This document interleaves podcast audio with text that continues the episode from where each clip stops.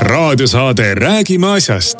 Eesti asjadest nii nagu need on, räägivad Mart ja Martin Helme ning nende huvitavad saatekülalised pühapäeviti kell üksteist. loe põnevate teemade kohta rohkem ka uudisteportaalist uueduudised.ee tere tulemast kuulama raadiosaadet Räägime asjast. me räägime asjast Tre raadios, Ring FM-is, Ruut FM-is ja Kuressaare pereraadios. me räägime seda igal pühapäeval. Hommikuti kell üksteist on saade, õhtul kell üheksa on kordus. ja muidugi saab alati saadet kuulata ka interneti vahendusel nii otse kui hiljem järelkuulatavana. ja kui järelkuulata tahate, siis soovitan teil minna Uute Uudiste kodulehele seda tegema. meil on täna stuudios kaks saatekülalist, tavapärased štammid Mart Helme ja mina olen Mart. Martin Helme. meil on täna neli teemat, mida me proovime läbi jõuda võtta. üks on, esimene neist on koroona teema. teiseks räägime siis eelarvest ja selle taustal olevast siis, äh, eelarve võeti meil parlamendis vastu sel nädalal ja selle taustal olevast siis opositsiooni hädakisast. Äh, räägime taaskord vahelduseks siis küsitlustest, mida siin sel nädalal on avaldatud ja mis äh, mu meelest vajavad tõlget. ja saate viimases lõigus anname ülevaate sellest, mis seisus on siis Ameerika valimised. kas seal on siis president elect või ei ole on president select. jah, aga ma tahaks äh, ühel kurval teemal peatuda, enne kui me alustame äh, teemadega. ja äh, ootamatult lahkus meie erakonna väga aktiivne ja, ja väga lugupeetud liige Eero Eenla meie hulgast ja ta ei ole võib-olla avalikkusele väga tuntud inimene, aga ta oli äärmiselt tegus ja erakonna eest alati väljas ja tõrviku rongkäigud, mis on meie erakonna üks firma märke, said suuresti teoks tänu Eero ennastsalgavale tegevusele. tema tõi ja viis tõrvikuid, tema täitis tõrvikuid, mitte küll üksi, aga ta oli nagu see mootor ja, ja juhendaja noorematele ja teistele abilistele. ja mõned aastad tagasi, kui ma ei tea, missuguse kurja käe tõttu meil katkes Sõrviku rongkäigul elektrivarustus, siis oli Eero Eenla see mees, kes oli täiesti ettenägelikult omaalgatuslikult kaasa toonud äh, generaatori, millele ta siis hääled sisse pani ja me saime voolu tagasi ja me saime oma kõned maha pidada ja tõrvikurongkäik sai liikuma minna enam-vähem nii, nagu ajakava ette nägi. Eh, nii et eh, tänus vaatame Eero tegevustele tagasi ja soovime talle seal teises ilmas kõike kõige paremat. nii on, Eero oli tubli mees meil aga lähme, lähme siis oma poliitiliste teemade juurde, et koroona, koroonakriisi teema. Äh, valitsus võttis neljapäeval vastu siis uued, uued karmimad piirangud, erinevad, äh, erinevad meetmed, et koroonakriisi ohjeldada Eestis. E, ja siin noh, muidugi ma võib-olla väga ei süvenekski nendesse meetmetesse, et nendest on meedias päris palju räägitud, et mida siis, mida siis, kus tegema peab me põhimõtteliselt läheneme erineva sammuga Ida-Virumaale ja kogu ülejäänud Eestile. ja noh, ütleme need piirangud Ida-Virumaal tõesti on siis selline tõeline noh, nagu öeldakse lockdown või, või kõik asjad on kinni pandud, et on kinni pandud spaad, hotellid on kinni pandud, toitlustusasutused, kultuuriasutused on kinni pandud, muuseumid, kontserdid, kõik, ka sport ka su-, ka sport on kinni pandud, et mujal Eestis nii ei ole. mujal Eestis on äh, tehtud piirangud inimeste kogunemistele ja, ja, ja siis üle-eestiliselt ikkagi see põhimeede, mis on, on äh, koolide kinnipanemine no kolmapäeval ma olin peaministri asemel siis riigikogus infotunnis. Ratas on meil koroona karantiinis sel nädalal. ja äh, eks see andis meile sellist, andis meile ette selle tooni, millega kogu opositsioon siis võttis vastu noh, need valitsuse sammud, et meil on äh, mõnes mõttes selline täiesti lootusetu, lootusetu seis, et äh, kui me teeme midagi, siis me oleme lollakad. kui me ei tee midagi, siis me oleme veel lollakamad. ja, ja kui me teeme midagi, siis inim-, siis väidetavalt inimesed ei saa aru, miks me seda teeme ja kui me ei tee midagi, siis inimesed väidetavalt ei saa aru, miks me seda ei tee. ehk siis noh, me oleme, me oleme opositsiooni arvates kõik valesti teinud jälle ainus, millest nad ei suuda nagu, millele nad ei suuda selgitust anda, on see, et kui me kogu aeg kõike valesti teeme, siis kuidas juhtus niimoodi, et Eesti on Euroopa absoluutselt parimate hulgas koroona esimese lainega toimetulijate hulgas. ja mäletame ju aga, et koroona, kevadel koroona esimese laine ajal opositsioon oli väga kriitiline, et ei tehta piisavalt, ei tehta seda, ei tehta teist, tehakse valesti, kui tehakse.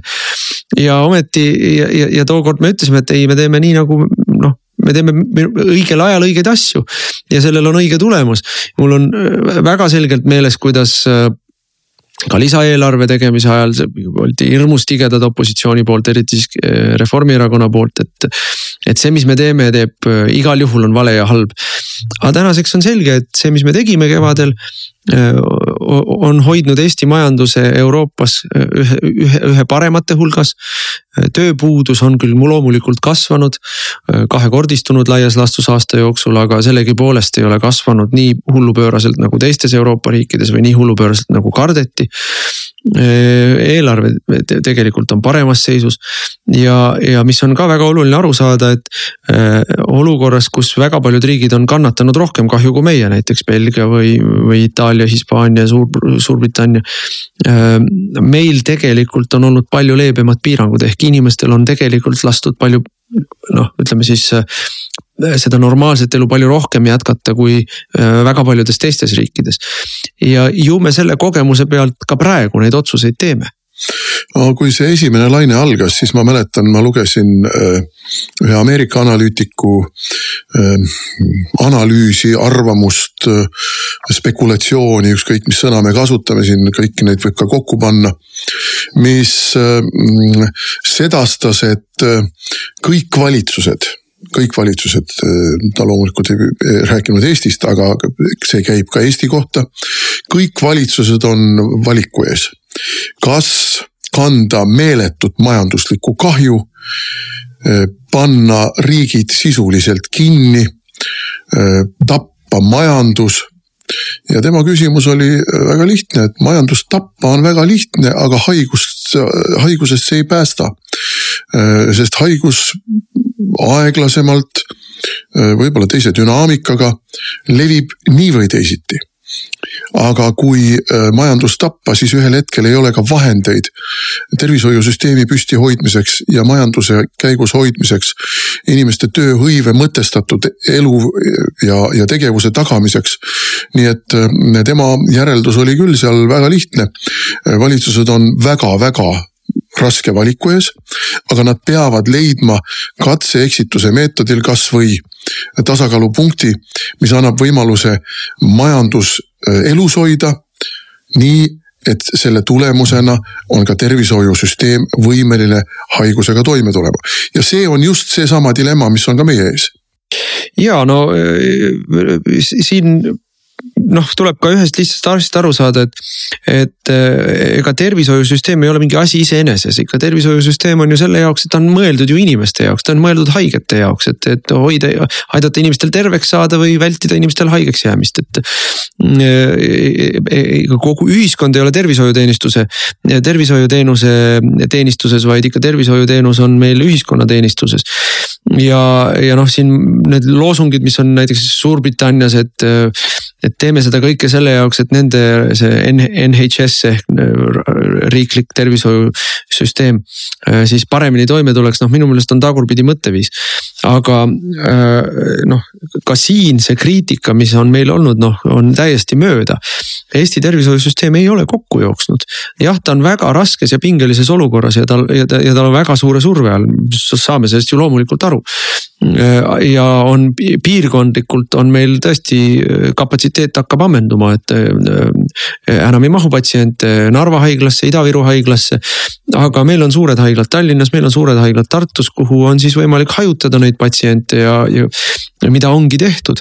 ja kust on võimalik äh, siis tööjõudu viia appi sinna piirkonda, kus on kriitilisem seis, mida on ka tehtud Eesti ei ole, Eesti on nii piisavalt väike riik, et meil on võimalik seda tasajagamist teha riigisiseselt. ja teine asi, mida me ikkagi ka ju oleme kogu aja rääkinud kevadest saadik, et me peamegi olema võimelised tegema regionaalseid erisusi. kevadel me tegime regionaalse erisuse Saaremaale, Saaremaa pandi lukku, Saaremaad koheldi teistmoodi kui kogu ülejäänud Eestit. Nüüd siis talvel oleme me sunnitud seda koht, kohtlemist tegema Virumaale. aga, aga noh, ei ole ju mingit vajadust Hiiumaal või Saaremaal või, või, või Võrumaal noh, elu täielikult lukku keerata, sellepärast et äh, Narvas ja Jõhvis ja Sillamäel on asi tõesti hull. no see, mida me oleme rääkinud siin kuude kaupa, kuude kaupa tegelikult eelmisest äh, koroonakriisist alates. Eesti peab sulgema välispiiri nende riikidega, kus on haigus selline, et sealt see tuleb Eestisse ja tuleb Eestisse sellisel moel, sellises ulatuses, et mingil hetkel lööb ta meilt jalust maha. noh, jalust maha ta ei ole meid löönud, aga Venemaa mille puhul me ei tea, kas ametlik statistika on ammendav statistika. no ütleme, me ei tea, kas ta valetab kaks korda, kolm korda või kakskümmend korda. aga igal juhul, kus on selge see, et koroona on, on täiesti kontrolli alt väljas. Venemaaga on meil olnud Narvas piir sisuliselt ju lahti. topeltkodakondsed, hallipassilised, mis iganes nad on. noh, ametlikult meil topeltkodakondsus on ju, on ju äh, keelatud, aga me kõik teame seda, et Vene Föderatsioon on kõik need aastakümned keeldunud meile andmast Vene kodanike nimekirja Eestis elavate Vene kodanike nimekirju.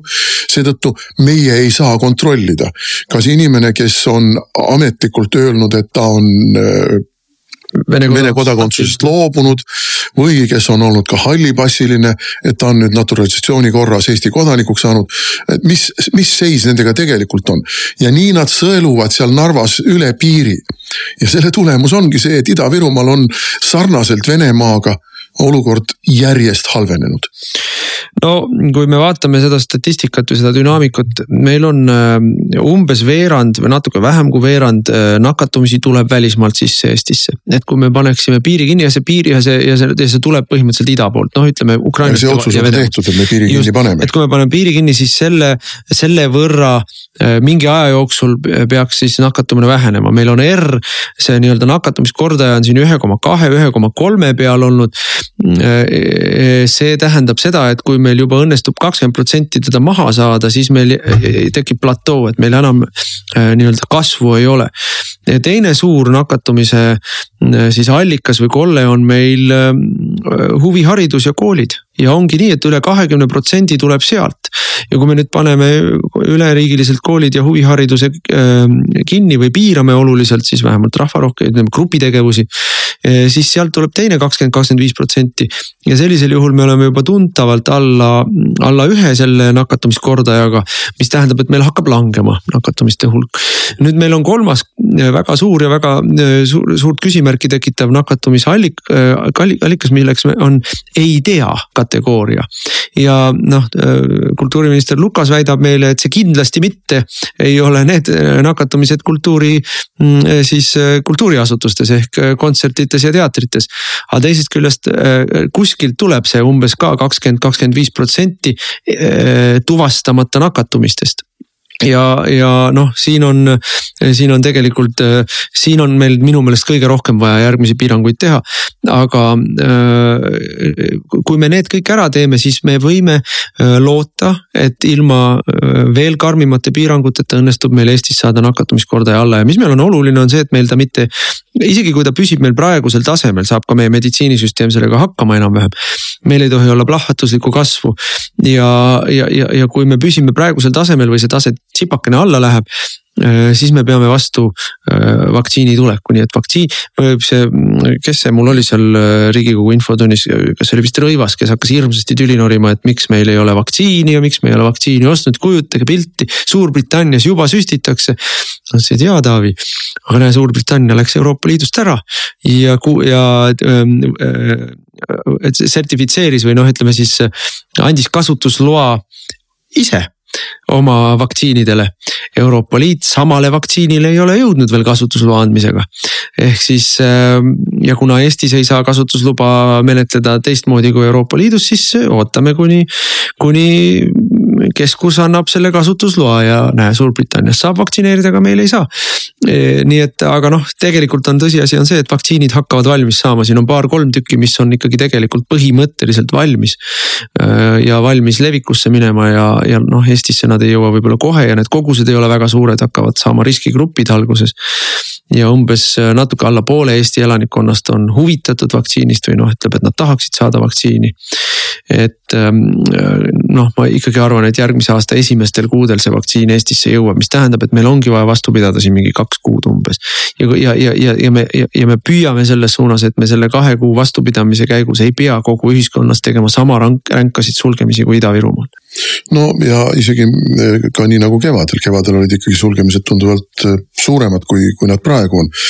Noh, küsimus on ikka, ikkagi selles, et noh, ma ei oska praegu nüüd peast seda statistikat öelda. kui suure protsendi, kui null koma protsent see on, kes on meil haigestunud ja kes on meil haiglatesse sattunud. loomulikult iga inimelu on, on väärtuslik ja, ja korvamatu aga kui me nüüd ikkagi võtame äh, selle, et meil äh, täieliku sulgemise lokk Audi või mis iganes äh, sõna me kasutusele võtame.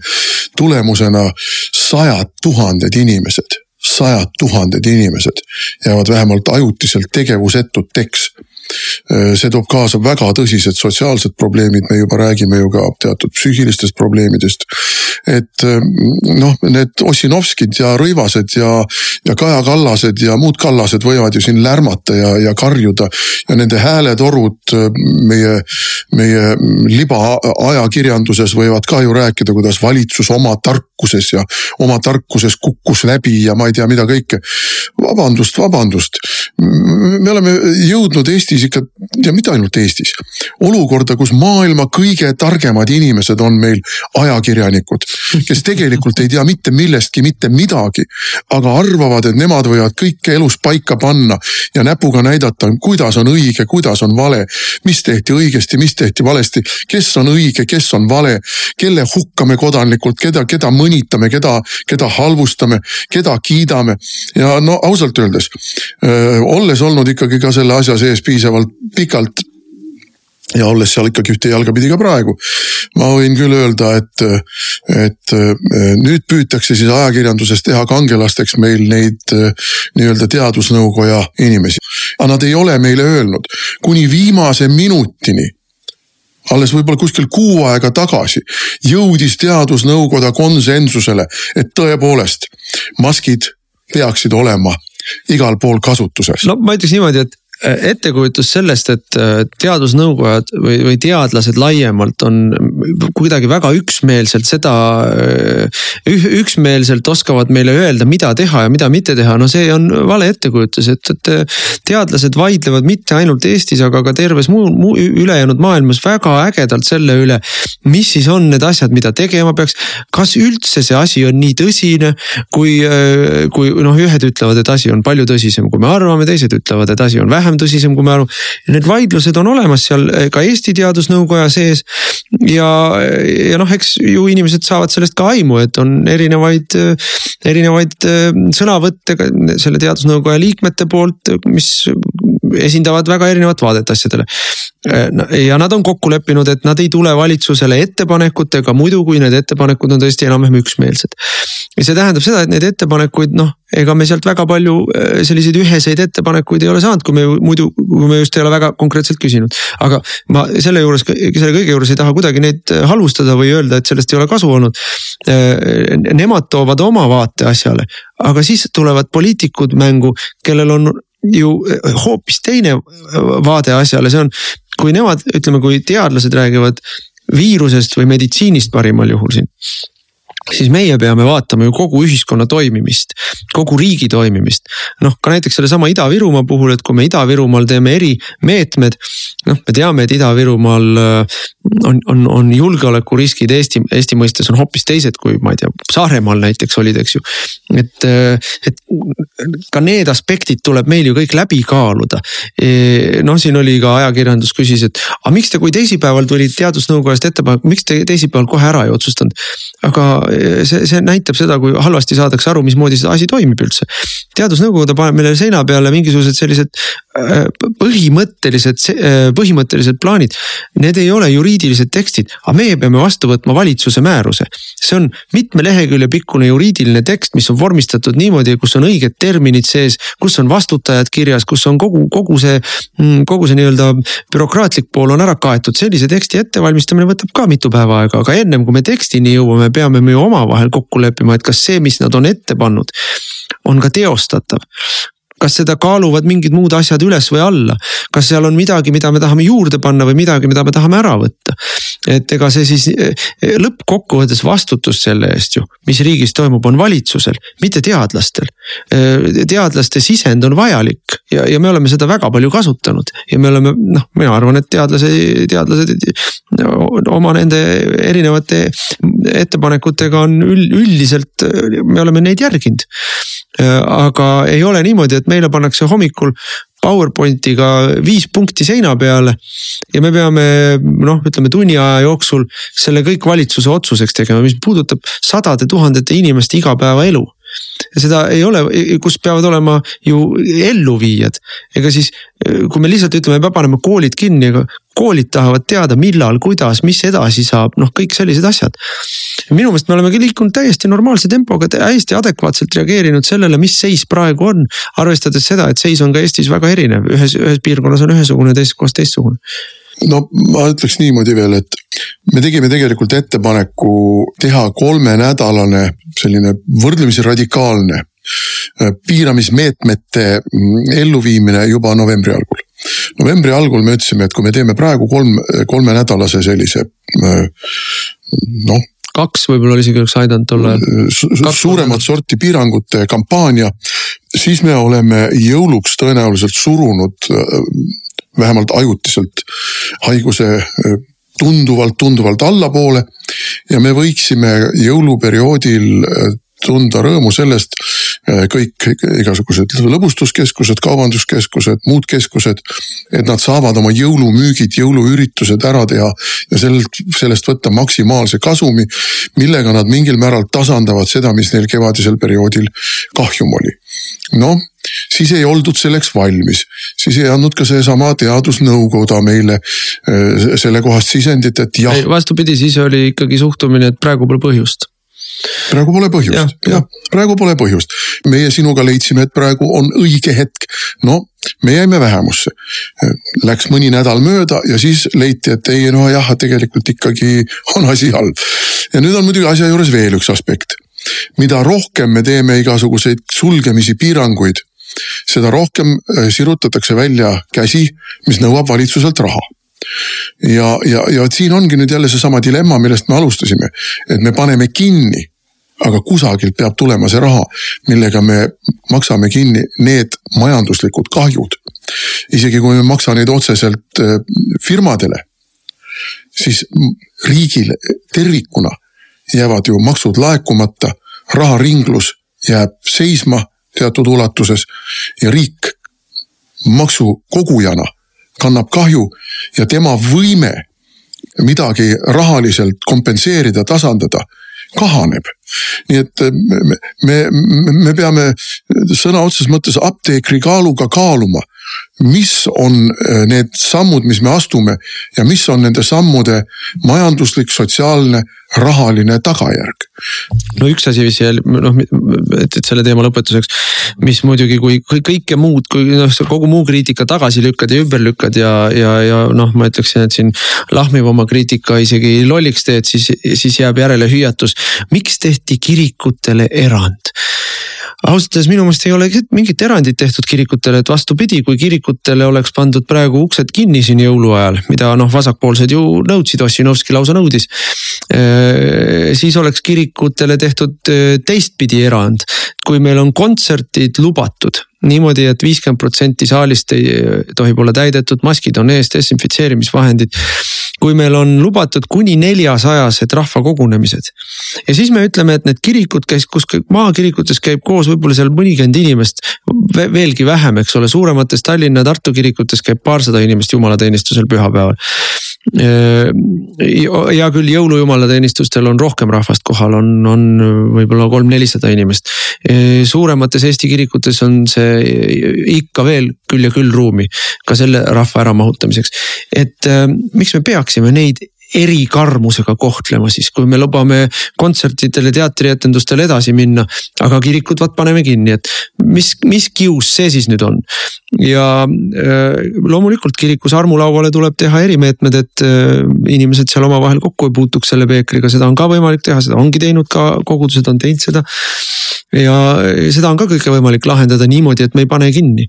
aga noh, tulla välja nõudmisega, et me jõuluajal paneksime kirikud kinni, samal ajal kui poed on lahti.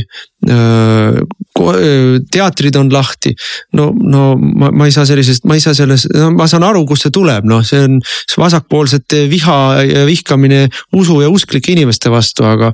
aga minu meelest on see niivõrd jabur nõue, et. no see on bolševism jah raadiosaade Räägime asjast. Eesti asjadest nii nagu need on, räägivad Mart ja Martin Helme ning nende huvitavad saatekülalised pühapäeviti kell üksteist. loe põnevate teemade kohta rohkem ka uudisteportaalist uueduudised.ee jätkame saadet, saade on Räägime asjast, stuudios on Mart Helme ja mina olen Martin Helme ja võtame mitte väga palju ei peatu, aga sellel nädalal siis riigikogu kinnitas kahe tuhande kahekümne esimese aasta riigieelarve. ja eh, noh, selle riigieelarve menetlemise käigus opositsioon no, no, no küll oli hammaste kiristamist ja ulgumist, aga mu meelest kõik see nende kriitika, mis muidugi saab hästi palju leheruumi. kõik see nende kriitika on minu meelest täiesti. mitte ainult äh, leheruumi, ma vaatasin, mis see oli siis kolmapäeva õhtul, kui äh, võeti vastu. ma vaatasin äh, Aktuaalset kaamerat ja Aktuaalses kaameras noh, sinult võeti ka väike repliigikene, aga ülejäänud olid ju kõik vaenulikult meelestatud opositsionääridelt. küll oli seal Ligi ja küll oli seal, ma ei mäleta, kes seal sotside poolt oli ja, ja keda kõike seal oli kokku korjatud, kes kõik maapõhja vandusid selle. aga mina pidasin äh, äh, vastuvõtmise, õigemini hääletuse eel ka meie fraktsiooni poolt kõne. ja, ja ütlesin seal ja kuna koputaja minu selja taga oli Siim Kallas, siis ma meelega lugesin üles kõik need lollused, mida tehti üheksakümnendatel aastatel, jätmata mainimata ka Eesti Vabariigi kullavaru mahamüümist võileiva hinna eest. lugesin üle kõik meie põllumajandusele tehtud kahju, meie maaelule tehtud kahju, meie merelaevandusele, meie kalapüügile, kõigele tehtud kahju, seda kahju tehti enne, kui me Euroopa Liidu ahistavate direktiivide alla sattusime. seda tehti enne meie omade poolt. Ja ma vaatasin hiljaaegu mm, internetis äh, äh, ühte filmi, dokumentaalfilmi aastast tuhat üheksasada üheksakümmend no seal oli ju väga tore vaadata, kuidas kõik need äh, kommunistid meil, äh, Siim Kallas ja, ja teised äh, tuhande üheksasaja üheksakümnendal aastal, ma arvan, see vist oli maiparaad, kõndisid seal loosungitega ja, ja vandusid, et sotsialismi ei suuda mingisugune natsionalism kuidagi rivist välja lüüa, sotsialism on ja, ja jääb ja, ja võidab kogu inimkonna ulatuses et, et noh, täpselt sama targad on nad selle eelarve kritiseerimisel ka praegu. Ja minu jutt oli see, see on esimene eelarve Eesti Vabariigis, mis on innovatiivne, mis vaatab tulevikku ja mis käsitleb raha vahendina mitte eesmärgina. Rõivas jah tegi mulle jälle sealsamas infotunnis ennem kui eelarve hääletamiseks läks. Äh, tegi seal märkusi, et te olete läbi kukkunud, kuna äh, rahandusministri esmane ülesanne on hoolitseda eelarve tasakaalu eest. huvitav, huvitav, et ähm, jah, ma tean, et see on Reformierakonna noh, selline usuartikkel. et eelarve tasakaal on nagu kõige tähtsam asi maailmas ja, ja see on rahandusministri kõige tähtsam noh, nihuke püha ülesanne. aga see, aga see on ainult teie usuartikkel, et see ei ole universaalne usuartikkel. minul ei ole minu eelarve tasakaal ei ole fetiš. eelarve tasakaal on asi, noh, millest me saame kõik aru, et lõppkokkuvõttes sul peavad tulud ja kulud enam-vähem klappima, sellepärast et muidu sa oled ühel hetkel pankrotis. aga noh, riigi puhul on see paindlikkus eriti suur ja, ja see, ja see ja see paindlikkus võib olla üsna pikalt etteulatuv. see tähendab, kui me räägime siin noh laenudest, mida on võimalik teha kümne või viieteist või ka isegi kolmekümne aasta peale. noh, see, see on midagi natuke teist kui, kui eraisiku või ka eraettevõtte, ütleme siis bilansi hoidmine. aga noh, see see, millest nemad aru ikka ei saa, on see, et kui me oleksime tegelenud kärpimisega, nii nagu nad soovitasid meile siin kevadel siis oleks Eestis tööpuudus pöörane praegu. ja siis oleks maksulaekumised tükk, tükk, tükk, tükk maad väiksemad kui praegu. mis tähendab seda, et me peaksime laenama palju rohkem, kui me praegu laename. ja nad ei saagi sellest aru ja nad ei saagi sellest aru ja äh, nii nagu ma ütlesin Rõivasele, et kui me praegu võtame kulutamise pedaali pealt jala ära, siis me ei saavuta lennukiirust ja meil on vaja saavutada lennukiirus, sellepärast et meil on vaja saavutada äh, uus majanduskasv või majandustõus, selle majanduskasvuga koos teha ära äh, sellised investeeringud, mis meie ettevõtetele annab juurde konkurentsivõimet, annab juurde tootlikkust.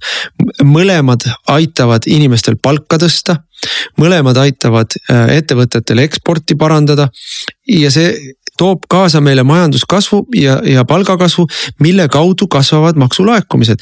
ja see majanduskasv on see, mis maksab ära tulevikus selle võla, mida me praegu võtame. mitte järgmised põlvkonnad ei maksa seda võlga ära, vaid see majanduskasv, mille me saavutame praegu, kuna me laseme eelarve miinusesse. ja sellest ta ei saagi aru ja ta ei hakkagi sellest aru saama ja mul ei ole mõtet temaga sellega isegi vaielda, aga mis muidugi on väga tähelepanuväärne, mida ütles Indrek Neivelt ka. et äh, kümme aastat tagasi oli Eesti Eesti majanduskriisis võrdluses teiste Euroopa riikidega üks kõige suuremaid kukkujaid, kõige suuremaid äh, kannatajaid. aga meedia tookord valitsus kiitis õiget asja ajasime, tublid olime, õige valitsus, noh näe, püksirihma pingutas ja, ja inimesed kannatasid, inimesed lahkusid massiliselt no, Eestist, ettevõtted kiitis, läksid pankrotti. kiitis sellepärast, et ajakirjanduses äh, ongi ju äh, sellesama Reformierakonna kannupoisid, kes jagavadki sedasama liberaal-totrat maailmavaadet. Ja, ja kujutavadki ette, et nemad maailma kõige targematena teavad, et vaesus äh, on parem kui rikkus. meie teame vastupidi, et rikkus on parem kui vaesus ja teine ja asja teine pool on see, et täna me võime öelda, et kahe tuhande kahekümnenda aasta koroonakriisi esimeses laines Eesti oli Euroopa mõistes, aga ka maailma mõistes üks paremini toime tulnud riike. üks paremini toime tulnud riike kahes, kahes mõõdikus äh,. majanduskasv või, või ütleme siis täpsemalt äh, majanduslanguse väiksus ja tööhõive, mis käivad oma, omavahel käsikäes ja teine mõõdik surmad. Nendes kahes, nendes kahes mõõdikus me oleme absoluutselt üks edukamaid riike maailmas. ja selle eest saame sõimata pikki päid ja jalgu nii opositsioonilt kui meedialt ja, ja tehakse meile selgeks, milline läbikukkumine me oleme. no äh, kus see loogika on? loogika ongi seal, et ega noh, ega siis propagandajuttu võib rääkida sõltumata sellest, mis reaalsus on. no ütleks niimoodi, et ka rikkad võtavad laenu ja Saksamaa võttis just äsja, ma ei mäleta, kui, kui mitukümmend miljardit võttis laenu noh, Saksamaa muidugi on suur ja Saksamaa majandus ja rea, reaalmajandus on, on midagi muud kui Eestil. aga Eesti peab sellest eeskuju võtma. mitte mingisugusest vaesest Aafrika riigist, kus võetakse küll ka laene, ainult et need laenud lähevad siis kuskil mingisuguse kohaliku, kohaliku presidendi ja tema klanni taskutesse. Zürichi pangakontole, aga noh, kui hästi lühidalt uuesti üle käia, me oleme seda siin saates mitu korda rääkinud, mida see eelarve siis teeb, mida see, see eelarve tugevdab tugevdab riigikaitset kõvasti. see tugevdab äh, sisejulgeolekut kõvasti, sinna läheb päris kõvasti raha. see tugevdab kogu meditsiinisüsteemi, see tugevdab äh, sotsiaalkaitset, noh ikkagi äh, sellest nagu libisetakse väga mööda. et järgmisel aastal toimub jälle pensionitõus. mitte väga suur, aga kuusteist eurot keskmisele inimesele, keskmisele pensionärile.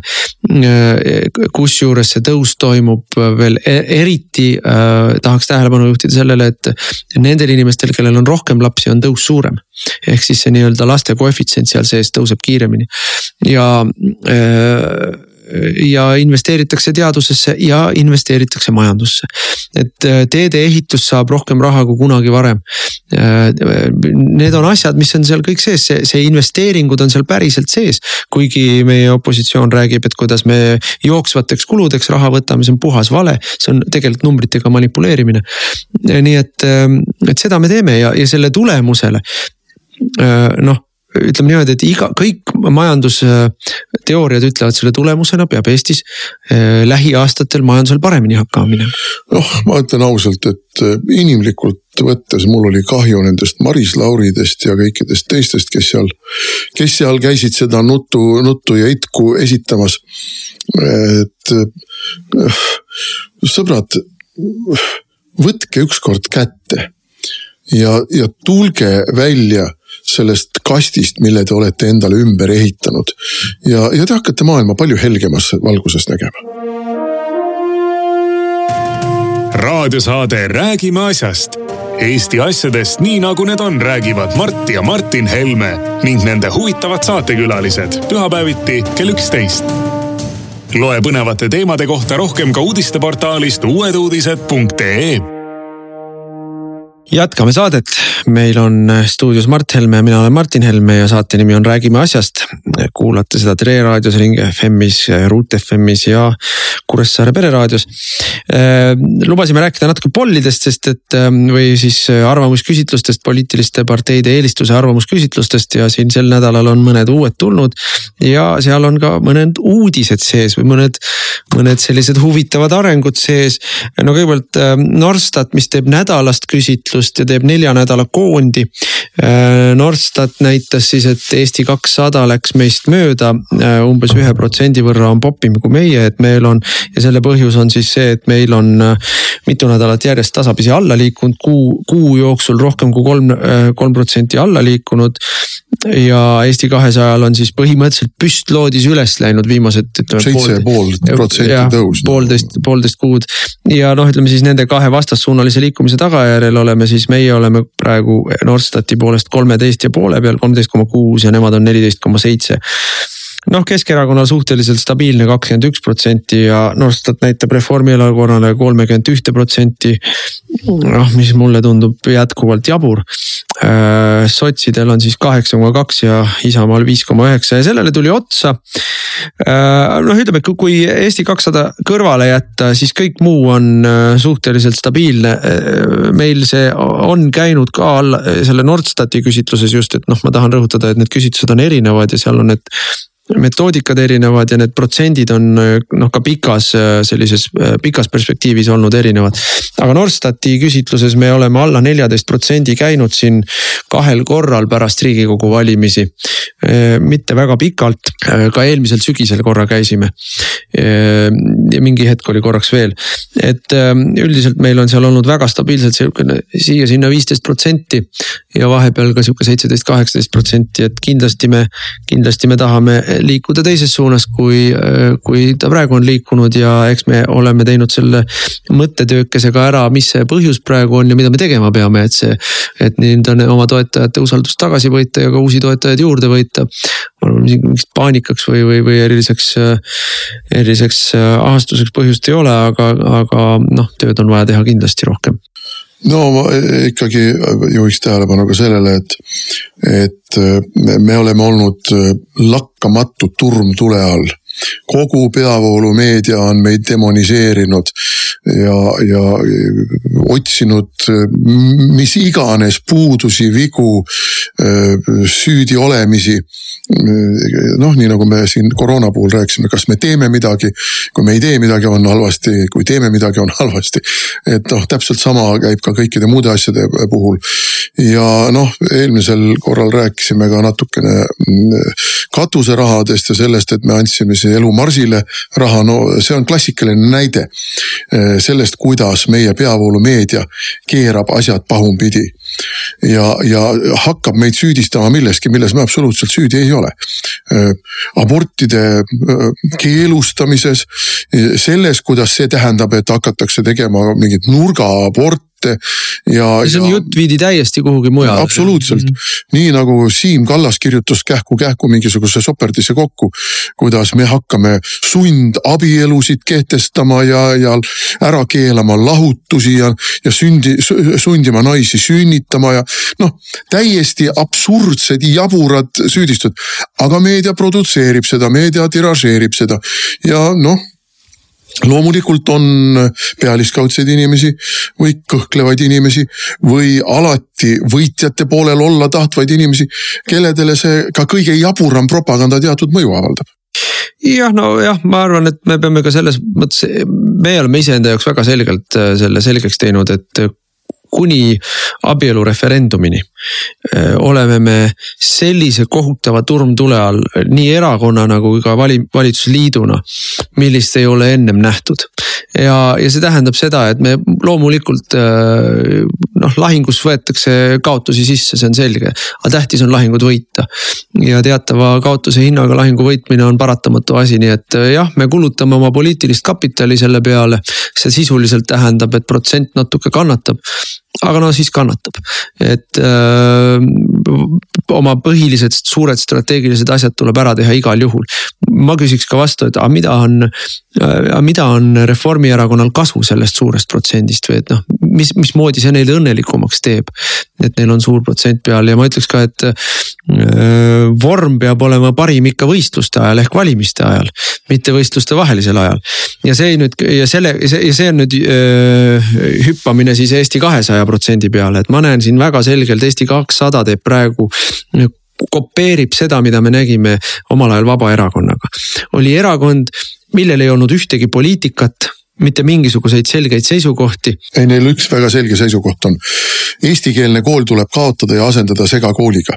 kus on eesti lapsed ja vene lapsed, see on seesama, mis oli meil muide ka sel möödunud nädalal riigikogus Reformierakonna eestikeelsele haridusele ülemineku äh, eelnõu. kõlab jube hästi selle pealkirja järgi toetaks kahe käega. Ainult et kui sa sisse ronid sinna, siis sa näed, et see on seesama, täpselt seesama ühtluskool, mida, mida propageerib ka Eesti kakssada ehk sisuliselt Põhja-Eestis teatud piirkondades tähendab see eestikeelse hariduse hävitamist. no see tähendab e, e, e, ütleme siis, see tähendab Eesti koolidesse, Eesti laste juurde suures koguses umbkeelsete venelaste toomist. ja umbkeelsete õpetajate toomist. ja just nimelt mm, ja noh, mis loomulikult nendele Eesti lastele koolis käimise teeb äh, keeruliseks, et mitte öelda ebameeldivaks. mis kindlasti tekitab äh, õppeedukuses tohutuid probleeme, tekitab sotsiaalseid pingeid ja mille tulemuseks on see, mis, äh, mis Ameerikas oli seitsmekümnendatel näha, white flight ehk siis kui mm,. kui ütleme siis valged põgenesid teatud linnaosadest nii-öelda kaugematesse eeslinnadesse ja, ja, ja me hakkame seda nägema siis Eestis, et nendes piirkondades, kus eestlased on noh, ei ole, ei ole selges suures enamuses. ja, ja kus siis hakatakse Eesti lastega, Eesti lastega tegema siis integratsiooni eksperimente. sealt eestlased põgenevad ja see tähendab tegelikult noh, Virumaal on see, on see siis täielikult eestlaste väljajuurimine, mis toimub või, või ärapeletamine, aga teatud piirkondades ka Tallinnas ja mujal Põhja-Eestis. Mm, see tekitab tegelikult selle loosungiga koos, et me teeme nii-öelda eestikeelset haridust, tegelikult süvendatakse Eestis segregatsiooni ja, ja, ja tekitatakse rahvuslikke pingeid. ja see on siis see Reformierakonna suur rahvuspoliitika. noh, täiesti kuritegelik, me, me, me ei ole mingil juhul sellise lähenemisega nõus. ja, ja, ja sellega me ei taha öelda, et Eesti koolisüsteem ei peaks olema üleni eestikeelne, muidugi peab. aga me ju selle nimel tegutseme, selles samas eelarves, millest me rääkisime, on kaheksa miljonit lisaeurot, lisaeurot. Mitte kaheksa miljonit eurot tervikuna, vaid lisaeurot eestikeelsele haridusele ülemineku ettevalmistuste tegemiseks. see tähendab eelkõige õpetajate koolitamist vene koolidele, lasteaegadele, õpetajate palkade tõstmist. jällegi järjekordne vale, millega opositsioon on siin esinenud, kuidas õpetajate palgad on neljaks aastat külmutatud, ei ole, ei vasta tõele, ei vasta tõele. järgmise aasta eelarves palkasid ei ole, aga me tuleme selle juurde tagasi kui me hakkame tegema järgmise aasta eelarvet. Kaks tuhat, kaks tuhat kakskümmend kaks eelarvet. nii et noh, see, see on nii masendav, kuidas opositsioon valetab ja kuidas meie peavoolumeedia neid valesid tiražeerib, võimendab ja omalt poolt vindi peale paneb no,. selle asemel, et öelda, et kuulge, see ei vasta ju tõele. aga, aga tuleme tagasi selle jah, see eestikeelse hariduse teemale, et noh, minu meelest Reformierakond äh, täiesti selgelt tegelikult ajab mitte rahvuslikku poliitikat, vaid rahvusvahelikku poliitikat, täpselt just. ja, ja, ja mitte mingil juhul ei tohiks lasta neil selle, selle jutuga siin tuututada ringi, nagu nemad oleks tublid, tublid eestimeelsed. me hääletasimegi selle maha, tõsi küll, meil oli koalitsioonis väga niisuguseid äh, põhimõttelisi arutelusid sel teemal. ma ei ütleks, et seal oli vastasseis, aga just nimelt arutelusid. noh, mängu tuli ka teatud määral poliittehnoloogia loomulikult.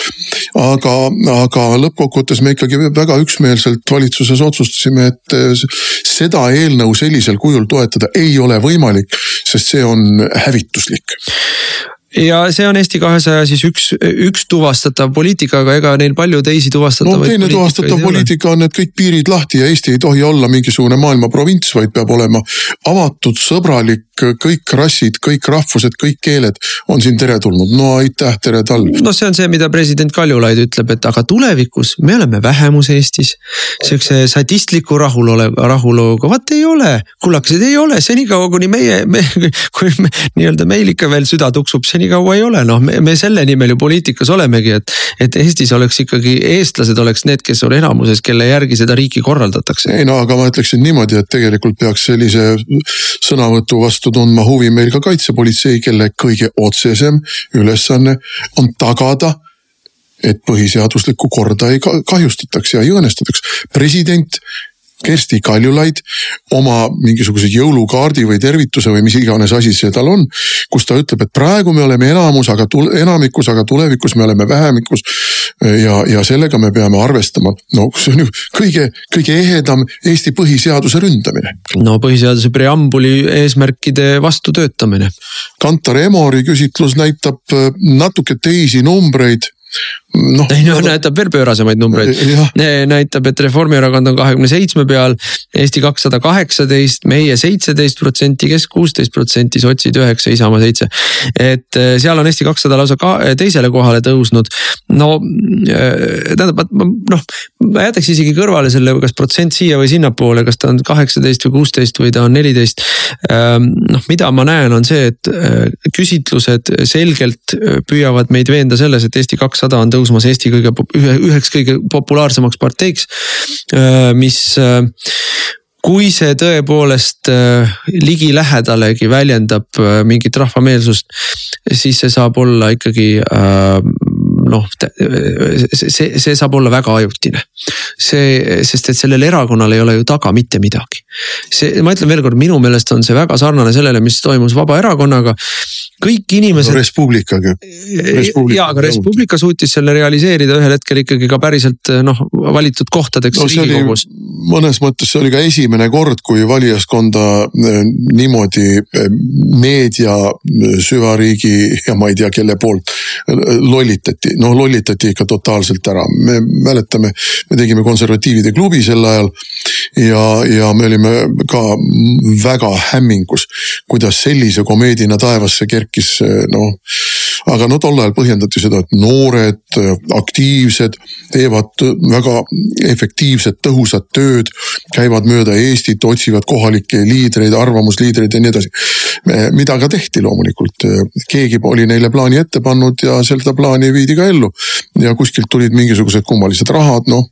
leiti muidugi ärimehed, kellele muidu oleks ilmselt kõri kinni pigistatud, kui nad raha ei oleks andnud. sellesama süvariigi poolt ja, ja noh, teine oli siis Vabaerakond, mis ka lendas, noh sisu seal ju tegelikult ei olnud, maailmavaadet seal ei olnud räägiti konservatiivsusest, no mingit konservatiivsust seal ei olnud, puhas liberalism. ja no nüüd on siis kolmas katse ja katse on ju väga selge ja see on ju ka täiesti selgelt äh, mingisugused juhtniidid viivad ka väljapoole Eestit.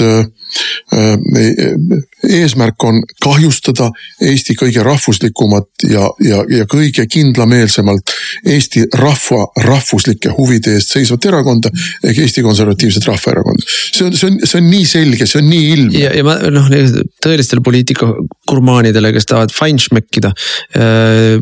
pakuksin siis mõned nihukesed mõtted välja, kust võrdlust otsida. Leedu valimised, väga huvitav, seal tekkis ka selline üleöö tekkis selline Euroopa Liidu meelne, liberaalne, aga noh, ka kohati väga populistlikke sõnumeid välja andev uus partei, mis üliedukalt esines valimistel. Äh, sarnane asi juhtus äh, või sarnast asja püüti teha siis äh, Rumeenias, aga Rumeenias see ei läinud nii hästi läbi. Ja sarnaseid selliseid väga sarnase mustriga Eesti kahesajale, sarnase mustriga siukseid poliitilisi algatusi on veel mitmes teises. just nimelt eelkõige, just nimelt eelkõige Ida-Euroopa riikides, kus see, kus see kuramuse rahvusluse jama ei ei ole ikka jätkuvalt välja juuritud, näe Nõukogude Liit ei saanud hakkama, nüüd Euroopa Liidu tingimustes ikka see rahvusluse jama käib. et. kodanlikud natsionalistid. no need on nagu prussakad, need tuumasõda ka ära ei võta, et, et, et selle vastu on siis nagu käivitunud minu, ma näen nagu selgelt, kuidas sarnased liikumised, noh nii nagu omal ajal sarnased liikumised Nõukogude Liidus olid, et väga paljudes liiduvabariikides tekkisid rahvarinded ja, ja ja, ja noh, nad päris kõik ühesugused ei olnud, aga, aga noh, mingisugust ühesugust sellist äh, laia plaani nad üritasid saavutada, et, et see on. aga noh, ma arvan, et Eesti kahesaja hääled, niivõrd-kuivõrd nad tulevad või siis toetus äh, ikkagi tuleb kahest kohast, et ta tuleb esiteks muidugi selgelt liberaalsest sektorist. et noh, nende sõnumid on nii, on noh, nii üheselt üdini liberaalsed, et nendel ei ole nagu siin noh. no nad, nad, nad ei meelita nagu kuidagi sellist konservatiivsemat või rahvuslikumat valijat ja ja teine sektor, kust ta tuleb, on, on need inimesed, kes ei taha toetada ei praeguseid opositsioonierakondasid ega praeguseid koalitsioonierakondasid, kellel on selline noh, ma ütleksin, et naiivne ettekujutus, et kusagil on kedagi paremat. Ehm, noh, lootus sureb viimasena, aga lihtsalt see, see, see, see, see ei ole, ma arvan, kandev lootus või noh, see ei, sellest ei tule midagi nojah, me kujutame nüüd ette, et meil on valitsus, kus on Reformierakond, Eesti kakssada ja sotsid. ja ei no ma kõigi nendele inimestele, kes ütlevad, et oi, ma neid noh, neid räuskavaid opositsioonierakondasid noh, ja, ja seal on ainult räuskamine järele jäänud. ei, ei, ei noh, nendega ka ei saa nõus olla, aga, aga noh, praegune valitsus, need on ka hirmsad inimesed, et ärge tehke endale mingeid illusioone, inimesi. Eesti kakssada läheb koalitsiooni igal juhul, et ta ongi selleks tekitada, tekitatud, et anda kokku hääled Äh, nende samade praeguste opositsioonierakondadega no,. see on ju nendele nii-öelda kolmas tugiratas või mis iganes. põhimõtteliselt ikkagi liberaalid, europunased ja, ja, ja muud rahvusriigi vihkajad.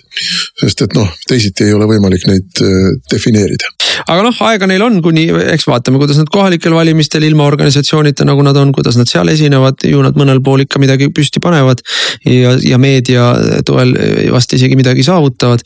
aga noh, selle toetusega välja vedada noh, ilma igasuguse tegeliku, tegeliku asjata selja taga. riigikogu valimisteni ma oleksin ülimalt üllatunud. Raadiosaade Räägime asjast. Eesti asjadest nii nagu need on, räägivad Mart ja Martin Helme ning nende huvitavad saatekülalised. Pühapäeviti kell üksteist. Loe põnevate teemade kohta rohkem ka uudisteportaalist uueduudised.ee ja saate lõpuks räägime veel Ameerika valimistest, me oleme siin pikalt vait olnud, et äh, mitte ärritada oma koalitsioonikaaslaseid. aga uudiseid vahepeal koguneb, mitte et te neist uudistest midagi teaks, sest et meie, meie noh, peavoolumeedia äh, kangekaelselt vaikib, kangekaelselt vaikib sellest, mis siis Ameerikas päriselt toimub. noh, alguses kohe pärast valimisi siin tormati tohutute selliste entusiastlike raportitega, kuidas Biden, Biden paneb juba üleminekumeeskonda kokku ja Bidenil on juba see ja teine kandidaat sellele ja teisele ametikohale ja noh, siis. produtseeriti siin selliseid uudiseid, mida ka peavoolumeedia on ikkagi mingil määral läbi lasknud, et näe, üks ja teine Trumpi kohtukaasus kukkus kokku. noh, peab ka ütlema, et neid kohtukaasuseid Ameerikas käib praegu sadu ja sadu. nii et kui meil siin raporteeritakse, et seal mingi kohtukaasus noh lõppes Trumpile ebaedukalt, noh siis see on. aga need on ka uuesti vaidlustatud. jah, see on ka nihuke välja noppimine suuremast, suuremast paletist, et tegelik seis on selline. meil on mitmeid osariike Ameerikas, millel jätkuvalt ei ole valimistulemused kinnitatud. osades osariikides on jätkuvalt loetakse hääli alles ja meil on terve hulk siis valimistulemusi, mis on kohtus vaidlustatud, noh eelkõige ikka keerleb see asi nendesamade nelja-viie osariigi ümber, kust siis, kust siis, kus siis häälte lugemisel ei järgitud seadust. ei lastud vaatlejaid vaadata, võeti vastu sedeleid, mis ei olnud protseduuri kohaselt äh, kuidagigi eelnevalt kontrollitud. ja, aga protseduuri endid on ka rikutud. ja, ja, ja et äh, noh, ärme siin nagu nendesse detailidesse, meil lihtsalt aeg hakkab otsa saama. aga mm, need on ikka samad, Wisconsini osariik, äh, Minnesota osariik, Michigani osariik, Arizona osariik Nevada osariik ja Georgia osariik on need, kus on noh, noh tõsised, tõsised ja siin on ja noh, meie meedia jälle ei näita neid, aga on olemas videosalvestusi sellest, kuidas siis visatakse vabariiklastest vaatlejad ja ka häälte lugejad visatakse ruumist välja. ja siis jäävad kaamerad käima ja siis toovad sõbrakesed toovad kotitäite kaupa uusi sedeleid. millest siis üheksakümmend üheksa koma ma ei tea, neli protsenti on kõik, kõik siis ega... ühele kandidaadile, kelle nime me siin ei maini. aga ega meie meedia ei räägi ka Hunter Bideni vastu algatatud uurimistest ja, ja ma ei tea, kas ta kohtuni on jõudnud juba. mis on ju. ta on kriminaaluurimise all. mis on seotud rahapesu ja maksupettustega ja, ja ei räägi ka sellest, et siin on ka mm, varem või hiljem see kahtlusaluste ring laieneb tõenäoliselt Äh, Joe Bidenile? no Ameerika äh, senatis on tulnud ettepanekud äh, algatada siis noh, samas, samasugune uurimine nagu Trumpi suhtes Vene uurimine oli. siis Bideni suhtes seoses tema Hiina sidemed, Hiina sidemetega. ja muidugi Texase osariik tegi kaebuse otse Ameerika Ühendriikide ülemkohtusse, kus ta nõuab, et neljas. noh, nendest neljast, neljas osariigis, mida me siin ennem nimetasime, valimistulemused tühistatakse tühistatakse. Äh, kuna seal nii rängalt on rikutud nii kohalikke seadusi kui Ameerika Ühendriikide põhiseadust ja seitseteist osariiki, seitseteist osariiki on äh, liitunud selle hagiga või selle, selle kaebusega. nii et noh, siin öö, äh, mõtleks vaid, et natuke rohkem kui kuu aega tagasi. sina olid sunnitud valitsusest lahkuma, sellepärast et sa ütlesid, et Bidenid on korruptandid aga näe, täna, täna tuleb välja, et FBI kinnitab, et nad on kriminaaluurimise all või noh, üks neist on kriminaaluurimise all. ja, ja kui meie siin rääkisime sellest, kuidas valimisi on, valimistel on olnud tohutud rikkumised, siis äh, tänaseks on, tänaseks on seitseteist Ameerika Ühendriikide osariiki. vastavasisulise kaebusega esinenud sellele, ma ütlen veel kord, lisandub kümneid, et mitte öelda sadu erinevaid kaebuseid, siis individuaalseid kaebuseid ja spetsiifilisi kaebuseid osariikide tasandil. nii et äh, noh, mis on kõige selle kokkuvõte, kokkuvõte on see, et Ameerikas ei ole presidendivalimised lõppenud veel. ei no siin on üks detail veel, on olemas äh, ma ei teagi täpselt, kuidas seda kogu nimetatakse. kolmest vabariiklasest, kolmest demokraadist koosnev kogu, mis peab kinnitama presidendivalimistel valimised võitnud kandidaadi kui inglise keeles president elect'i ehk siis valitud presidendi. see kogu ei kinnitanud Bidenit president elect'iks, mis tähendab, et ei ole võimalik käsitleda Bidenit praegu Ameerika Ühendriikide sada protsenti kindlalt järgmise presidendina. ma äh, olin jälle seal infotunnis äh,, kus Eerik-Niiles Kross siis ilkus mu kallal ja et kuidas siis sellega on ja kui kaugel need asjad on ja ega ma ka talle võlgu ei jäänud, ütlesin, et noh, et ega kuidas siis on, on, on siis või ei ole. et ei ole ju valimistulemusi veel. no ja siis Kross ütles mulle, et noh, et näed, et, et, et, et noh, meie siin või mina isiklikult olen koos Putiniga olnud üks vähestest, kes ei ole veel Bidenit õnnitlenud õnnitlenud, et ma ütlesin, et aga kuulge, et kui. kui me siin tahame nagu head seltskonda nimetada, et sina oled olnud koos eh, Hiina, Hiina diktaator Xi Jinpingiga ja. Eh, ja Iraani hullude mullade režiimi juhtidega eh, selles ringis, kes on õnnitlenud Bidenit, et iga, igaüks leiab hea seltskonna, kus olla. ja igalühel on võimalik seda seltskonda kaela riputada, kui tahta, et, et noh, see, see on minu meelest nii mõttetu jutupunkt, et. aga selge on see jah, et seal need valimised ei ole lõppenud ja nende valimiste tulemusi ei ole kinnitatud ja see. ja mis on nagu minu meelest ka väga tähtis, on see, et iga päev, mis mööda läheb, tuleb uusi paljastusi nende asjade kohta. ma jälle ütlen, et mitte, et Eesti inimesed neist väga palju teaksid, sest et Eesti meedia sellest väga palju ei räägi. ja, ja. mis näitab ka selle meedia usaldusväärsust. just ja, ja, ja koos nende paljastustega äh, läheb äh, need seitsekümmend, noh, oleneb mitu häält sa sisse loed või ei loe, et äh, need üle seitsmekümne miljoni, noh ütlevad, et seitsekümmend kaks või seitsekümmend neli miljonit. et äh, need inimesed lähevad järjest vihasemaks Ameerikas ja ka need äh, senaatorid ja kongresmenid ja osariikide kubernerid ja osariikide äh, siis senaatorid. Äh, noh, neil on aina raskem öelda, et ei midagi, midagi ei ole toimunud, et pigistage silm ja nina kinni ja lähme edasi. sest et noh, sul lihtsalt nagu see tõestusmaterjal järjest suuremalt ja suuremalt näitab, et on küll midagi juhtunud, on midagi, on väga tõsiselt juhtunud. ja küsimus on selles, kas on olemas selline asi nagu demokraatia ja demokraatlikud valimised või ei ole. ja küsimus on, kas ka Eestis on olemas demokraatlikud valimised või ei ole. nii, sellega on meie saade läbi saanud, täname kõiki kuulamast. Äh, hoiatan ette, et jõulunädalal me ei tee saadet, aga järgmine nädal oleme me veel eetris. et kuulake siis meid jälle ja, ja ilusat advendiaega Te kuulasite raadiosaadet Räägime asjast. saate eest tasus Eesti Konservatiivne Rahvaerakond. järelkuulamine internetis treeraadio.ee ja uueduudised.ee